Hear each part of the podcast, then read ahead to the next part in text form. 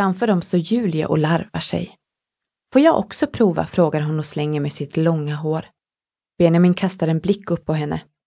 Bara en gång, säger han och räcker henne telefonen. Du kan inte slå mitt rekord, ropar Lukas och studsar upp. Klara har lust att gå fram till dem, men hon är inte lika järv som de andra. Inte har hon lika långt hår heller. Hon drar gummisnodden ur sitt hår och svänger det försiktigt från sida till sida. Får jag fläta dig? frågar Rose. Klara nickar. Rose är bra på hår. Hon kan göra franska flätor som börjar ända uppe på gässan. Sedan kommer Benjamin fram till dem. Det finns mer om ni vill ha, säger han och håller fram påsen mot dem.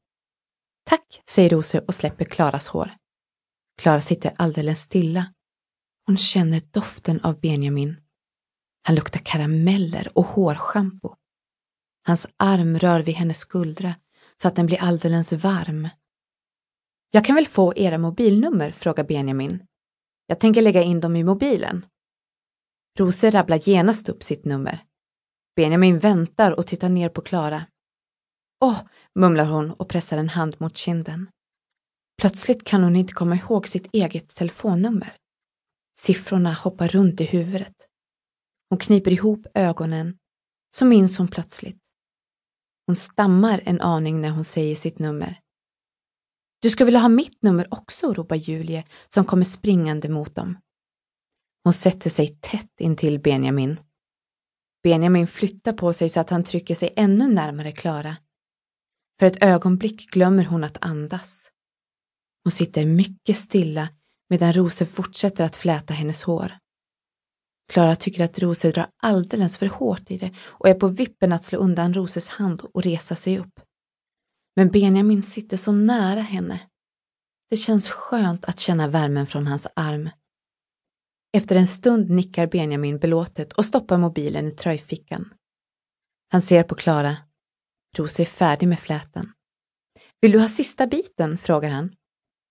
Ja, tack. Klara försöker sticka ner handen i påsen, men det är svårt eftersom påsen är nästan tom.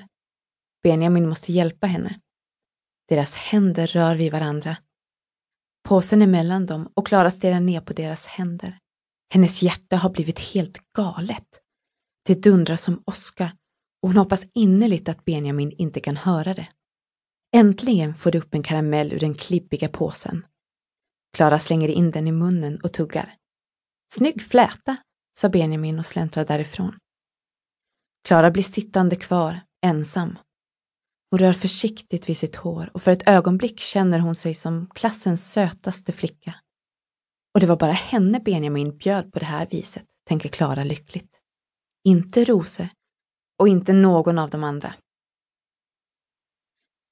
Smsen. På frukostrasten har Klara fortfarande inte fått upp presenten ur ryggsäcken. Hon sitter i fönsterkarmen och ser ut över trädkronorna som vajar i vinden. Hon vet inte hur hon ska bära sig åt för att ge Benjamin den. Det känns så pinsamt. Fjärilarna fladdrar i maggropen på henne när hon ser Benjamin ute på lekplanen. Han sitter uppe i ett träd och ropar ner till de andra pojkarna. Klara tycker att han liknar en kung på en tron. Sedan börjar han klättra ner igen. Han hoppar sista biten, sedan springer han runt hörnet och försvinner utom synhåll. Klara tänker på presenten igen och försjunker i tankar. Då brummar det i hennes mobil.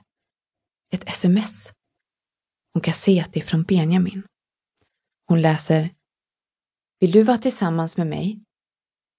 Klara är nära att falla ner från fönstersmygen. Så förskräckt blir hon. Och yr blir hon också. Det känns som om fjärilarna i hennes mage fattat eld. Som om det tänds till ett bål. Hon ser sig om efter Rose som sitter och ritar. Julie är ute på lekplatsen. Klara springer fram till Rose. Titta, säger hon och håller fram mobilen så att Rose kan läsa själv. Rose står länge och läser. Hon får en rynka i pannan. Det är ju inte klokt, säger hon, som om hon tvivlade på att det var sant. Vad ska jag svara? viskar Klara. Plötsligt blir hon stel av förskräckelse. Hon vet inte om hon är redo för att vara tillsammans med någon. Jag vet inte, säger Rose